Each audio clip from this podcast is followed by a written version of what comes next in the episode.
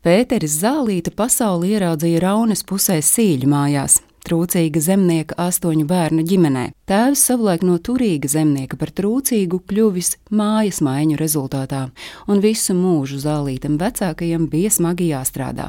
Tāds pat liktenis šķita piemeklēs viņa bērnus. Pēters skolas gaitas uzsāka astoņu gadu vecumā un vispirms mācījās pagasta skolā, tad pēc diviem gadiem mācības turpināja Raunas draudzes skolā, kuru pabeidzot, tālāk izglītoties vairs nav bijis vaļas, jo nācās palīdzēt tēvam darbos. Lai tēvam palīdzētu uzturēt divus brāļus un piecas māsas, arī Pēterim nācās smagi strādāt. Mācībām laika vairs atlika tikai naktīs un svētdienās.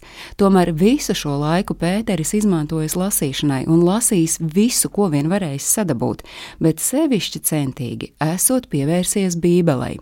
Klīst nostāsti, ka to viņš esot zinājis te no galvas, un tā nu zēnu pamanījis vietējais mācītājs, kurš piedāvājis jauneklim kļūt par misionāru Indijā. Bet Indijas vietā Zālīte, kuram tobrīd jau bija 20 gadu, nokļuva cēsu apriņķa skolā, kur pie skolotāja Krišjāņa bērna Zālīte sāk pētīt Brigausa konversācijas vārnīcu un to lasot, viņš Indiju aizmirsa pavisam. Tad kā zibens spēriens no skaidrām debesīm nāca ziņa, ka Pēteris Zālīte uzņemts Hanoveras seminārā. Tiesa līdz Hanoverai viņš nenonāk naudas trūkuma dēļ. Ceļš apstājas Rīgā, kur viņš pavada vasaru, mācoties kopā ar kādu jaunekli vārdā Pēteris Brakšs, bet rudenī nonāk pie Eduarda Veidenbauma. Ar viņa atbalstu mācību procesā Zālīte iestājas Rīgas guberņas ģimnāzijā, bet arī atkal jau nākas pārtraukt mācības naudas trūkuma dēļ.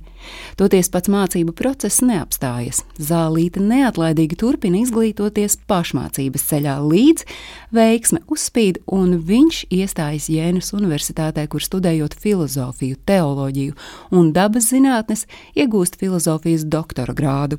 Vecāka vēl turpinājis izglītoties, līdzekļus mācībām nopelnot, strādājot avīzēs, publicējoties un pasniedzot privātstundas gan Berlīnē, gan Pēterburgā. Pēc studijām ārzemēs un arī Amerikas apceļošanas Pēters Zālīte atgriežas Rīgā, kur no 1893. gada viņš strādāja par redaktoru laikrakstos Mājas viesis un vēlāk Dienas lapa. Tā laikā viņš arī izveido mājas viesa mēneša rakstu, kas piesaista tā brīža spožākos rakstniekus - Aspazīju, Plūdoni, Deglavu, Veidenbaumu, arī Raini. Starp citu, Zālīte ļoti atbalstīs poruku un Raini, un varētu pat teikt, ka Pēteris Zālīte ļāva tobrīd vēl lasītājiem maz zināmajam Rainim uzmirdzēt kā tulkotājam, jo tieši ar Zālītes atbalstu Rainis tulko Gētes Ifigēniju Tauridā un Faustu, Lesinga Nātanu Gudro un Lermontova dēmonu. Lai arī par zālītes spožāko panākumu nereti sauc mājas viesis mēneša raksta izveidošanu, tieši viņš ir izstrādājis Latvijas Universitātes filozofijas fakultātes pamatprincipus, jo zālītes vārdiem runājot, neviens nevar tikt uzskatīts par izglītotu, kas nepazīst un nav pamatīgi iepazinies ar filozofiju, psiholoģiju, atziņas teoriju, loģiku un ētiku. Pēters Zālīte bija filozofijas profesors Latvijas Universitātē un lasīja filozofijas vēstures kursu. Profesora lielākā autoritāte filozofu vidū, protams, bija Kants. Viņam bija tuva lielā filozofa mūžīgā miera ideja. Pateicoties Zālītem, universitātē nodibināja Kanta biedrību un tādēļ Pēteri Zālīti nereti dēvēja par latviešu kantu. Pirmās brīvvalsts laikā Zālīte bija trešās un ceturtās saimas deputāts un bija ieguvis odioza politiķa slavu. Pēters Zālīte mūža laikā publicējis daudz grāmatu un brošūru, kā arī vairāk nekā simts zinātnisku rakstu periodikā.